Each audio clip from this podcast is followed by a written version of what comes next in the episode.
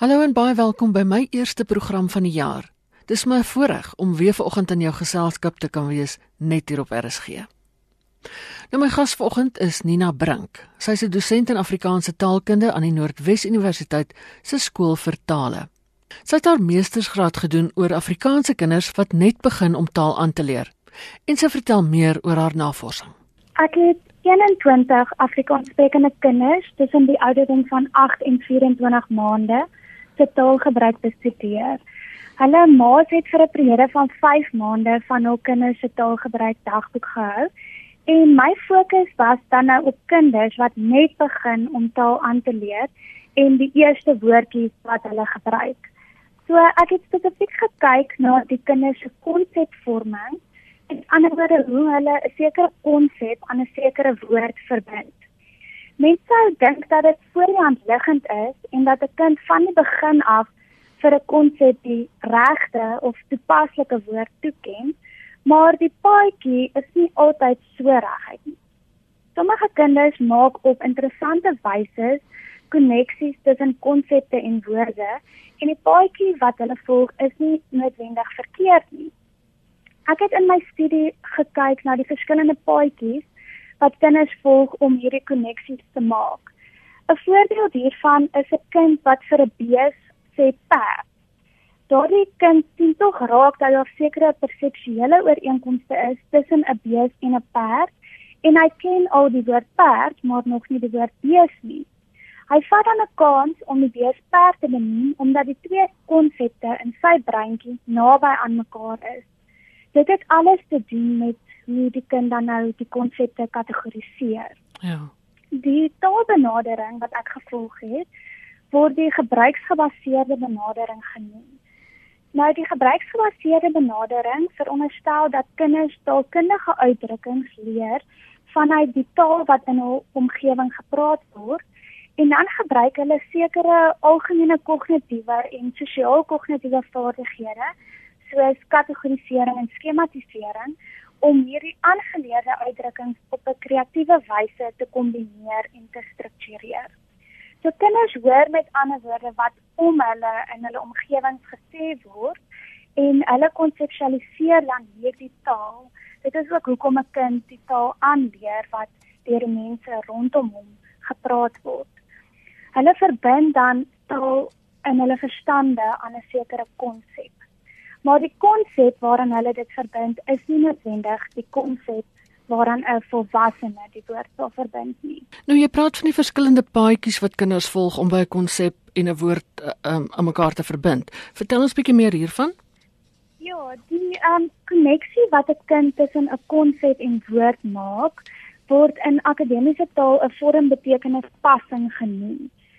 En ek het bevind dat kinders op verskillende maniere 'n passing tussen 'n woord vorm en die betekenis daarvan of dan net die konsep maak. In die eerste plek maak kinders ehm um, grootendeels wat ek 'n simplekse passing genoem het in my studie. Dit is waar daar 'n direkte korrelasie is tussen die woord en konsep. Soos pappa wat deur die kind gebruik word om sy pappa dan nou te benoem. Wat ook geld as 'n simplekse passing, is wat ons 'n holo-frase noem. 'n Holo-frase is wanneer 'n kind een woord gebruik, maar eintlik 'n hele sin of frase impliseer. Soos byvoorbeeld die kind sê tee, maar bedoel eintlik ek wil tee hê. En hierdie betekenis word dan gewoonlik uit die konteks van die situasie afgelei. In die tweede plek het ek in my studie gesien dat kinders komplekse passings maak tussen die woord en die konsep of betekenis. So ek het in die eerste plek simplekse passings en in die tweede plek komplekse passings. So komplekse passings is wanneer daar 'n meer interessante of indirekte paadjie gevolg word om die woord aan die konsep te verbind. 'n Voorbeeld hiervan is soos ek vroeër genoem het wanneer 'n kind vir 'n bees sê perd of nog 'n voorbeeld is wanneer 'n kind vir enige ronde voorwerp sê bal. 'n Interessante onderafdeling van komplekse passings is wat ons in die taalkunde metonimie noem. Metonimie impliseer 'n deelgeheel, 'n deel-deel of 'n geheel-deel verhouding tussen konsepte. 'n Voorbeeld hiervan is wanneer 'n kind vir 'n boom of 'n struik sê tak. Hy gebruik dan 'n deel van die konsep, naamlik die tak, om die konsep as 'n geheel, naamlik die boom of struik te benoem. 'n Kind kan ook 'n deel van 'n kategorie gebruik om 'n ander deel van daardie kategorie te benoem. 'n Voorbeeld hiervan is 'n kind wat die woordjie mes gebruik het om na 'n vurk en 'n lepel ook te verwys.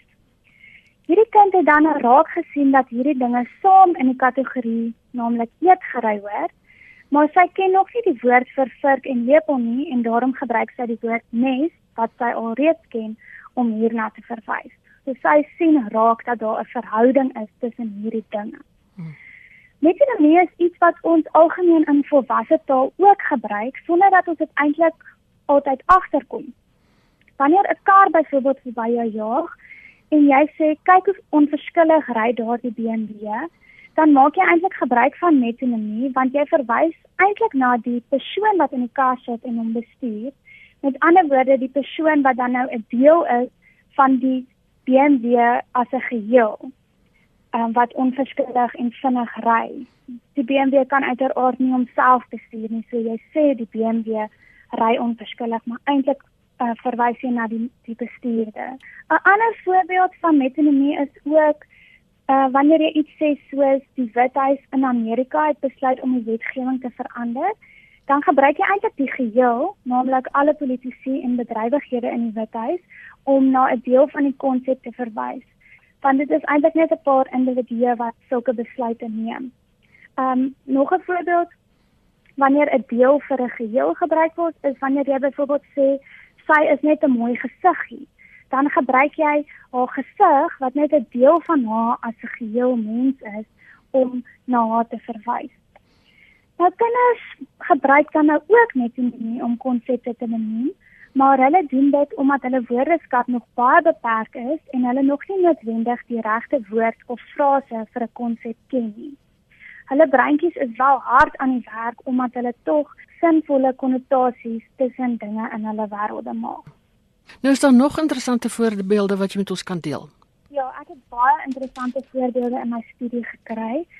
Ehm um, een van hulle was 'n kind wat 'n uitgebreide assosiasie gemaak het tussen die dier padda, die liedjie paddatjie wat maak jy daar, die liedjie die padda wou gaan opsit, die einde van 'n gebed, naamlik amen en aham wat die refrein is van die liedjie die padda wou gaan opsit. Ja.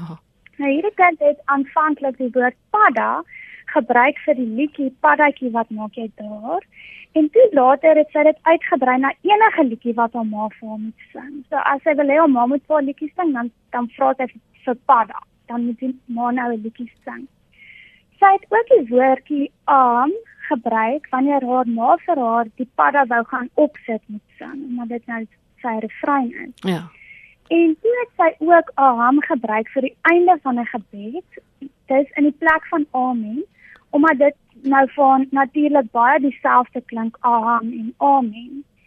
En toe wat baie snaaks is, is dat sy toe op 'n dag aan die einde van die gebed, nadat hulle klaar gebid het, toe sê sy padda in plaas van amen.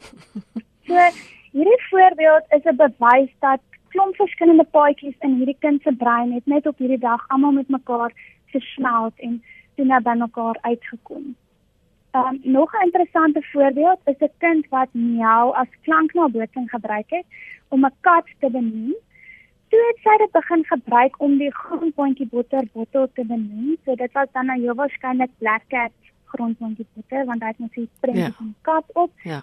En toe later het sy dit sommer begin sê vir enige bottel wat uit die konfytkas kom waar die grondboontjie botter altyd gebeere word. So sy het hierdie klank na bootsing vir die kat, het sy toe nou later geassosieer met 'n ruimte waar hierdie grondboontjie botter altyd gebeere word. En mense het hierdie vorige mense kennis van hierdie vorige assosiasies nodig om te kan verstaan hoekom sê sy nou miau vir enige konfytbottel op die einde.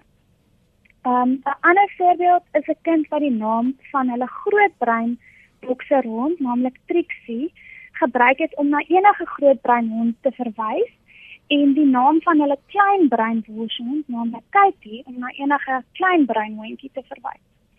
hierdie kind is eintlik so slim om in die eerste plek daardie onderskeid te kan tref om te kan sien dat groot breinhonde en klein breinhonde nie in dieselfde kategorie is nie dat daar goed is wat hulle van mekaar onderskei en dan het sy nou hierdie eie naam van hulle troeteldiere gebruik aanvanklik om al hierdie diere te benoem totdat sy dan nou later sal leer maar nee nie alle um, groot breinhonde se naam restriksie nie en nie alle klein breinhondjies se naam is Katie nie.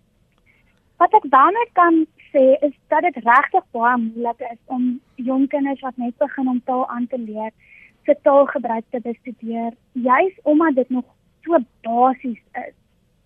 Hulle gebruik een woordjie om na 'n verskeidenheid dinge te verwys en ons as navorsers moet dan probeer bepaal wat in daardie kind se brein gebeur tydens hierdie proses um, 'n aanhaling vanuit 'n boek um, wat deur Madeline L'Engle geskryf is, A Wrinkle in Time, wat eintlik hierdie hele situasie vir my baie mooi staan. Sy sê in hierdie boek, "Oh child, your language is so utterly simple and limited that it has the effect of extreme complication." Nou Nina, is daar sekere tipes woorde wat jong kinders meer gebruik as ander? In my studie het ek sien dat kinders wat net begin om taal aan te leer, se eerste woorde gewoonlik ehm um, verwys na veral konkrete objekte soos huishoudelike items, kos, speelgoed, boeke en plante en veral dan ook na mense, veral familielede en diere, so hulle troeteldiere en voëls is iets wat algemeen voorkom. Verder maak kinders op so jong ouderdom baie groot gebruik van herhalende klanke soos mamma mamma mamma en klanknabootsing veral om na diere te verwys soos byvoorbeeld woef vir 'n hond of haha vir 'n hadida. Die hadida is nogal baie in my studie deur die kinders benoem, maar ek dink dit maar net omdat hierso in die Potchefstroom omgewing daar so baie hadidas voorkom by die kinders dat dit vir die kinders so interessant te voel is. Ehm um, kinders gebruik ook veral interaksionele woorde soos hallo en tata en begin ook wo uh, later woorde gebruik wat aksies aandui, maar dit is nog nie so algemeen soos woorde vir konkrete objekte, mense of diere nie. Watter konsepte word gewoonlik eerste deur jong kinders benoem?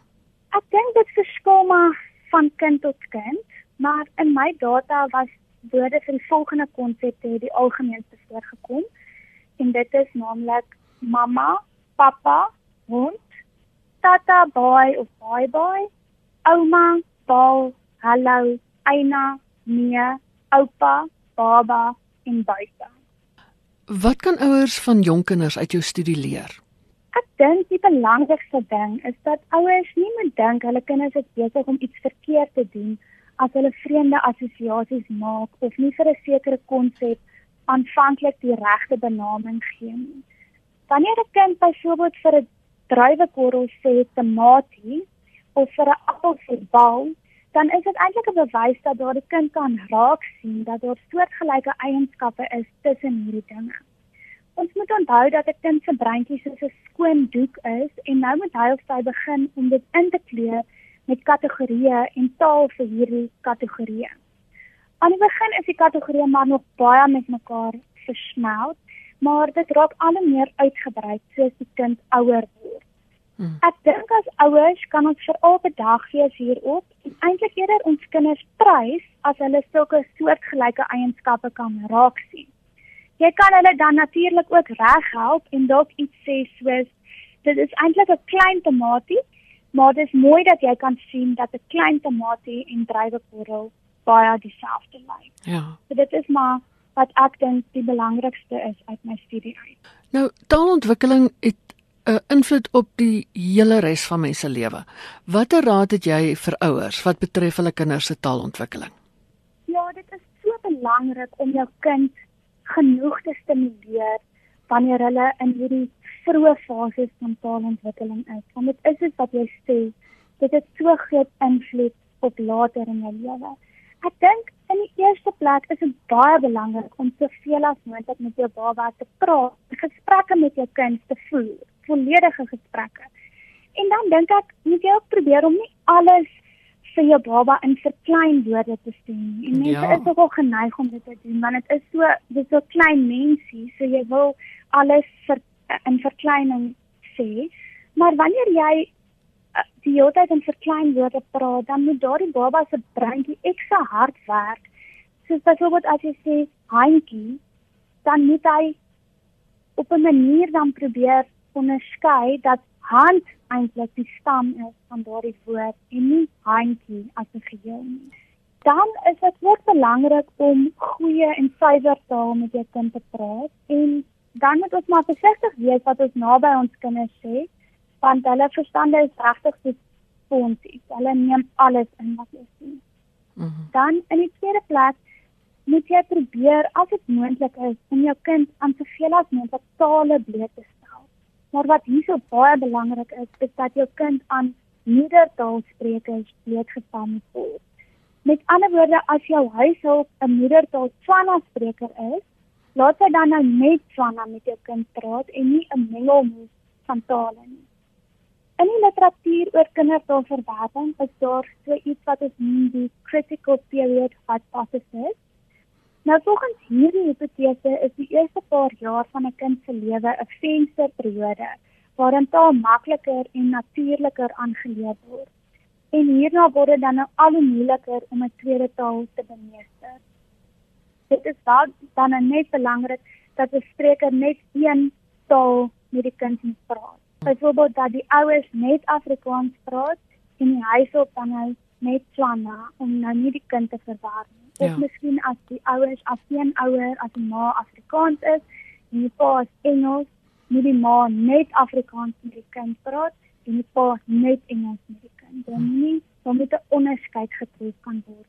Sjonina, dit is verskriklik interessant. Ja, nee, ek moet sê hierdie studie het my regtig baie geïnteresseer en ek het nog nie eens eintlik na 'n druppel in emmer gekyk van wat daar nog is wat ek moet leer van ja.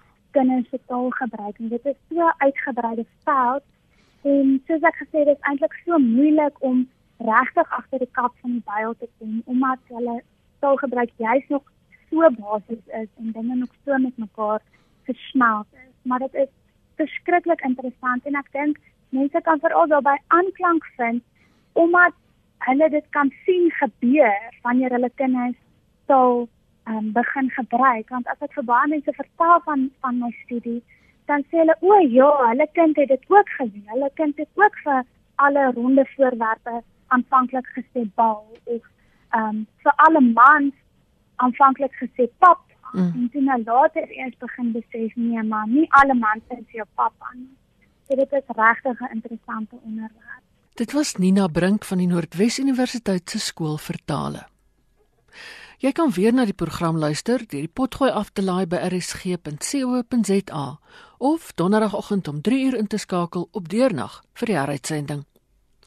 As jy van jou wil laat hoor, my e-posadres is strydom@sabc.co.za. daarmee is dit tyd om te groet. Geniet die res van die Sondagprogramme net hier op RSG en van my Ina Strydom groete. Tot 'n volgende keer.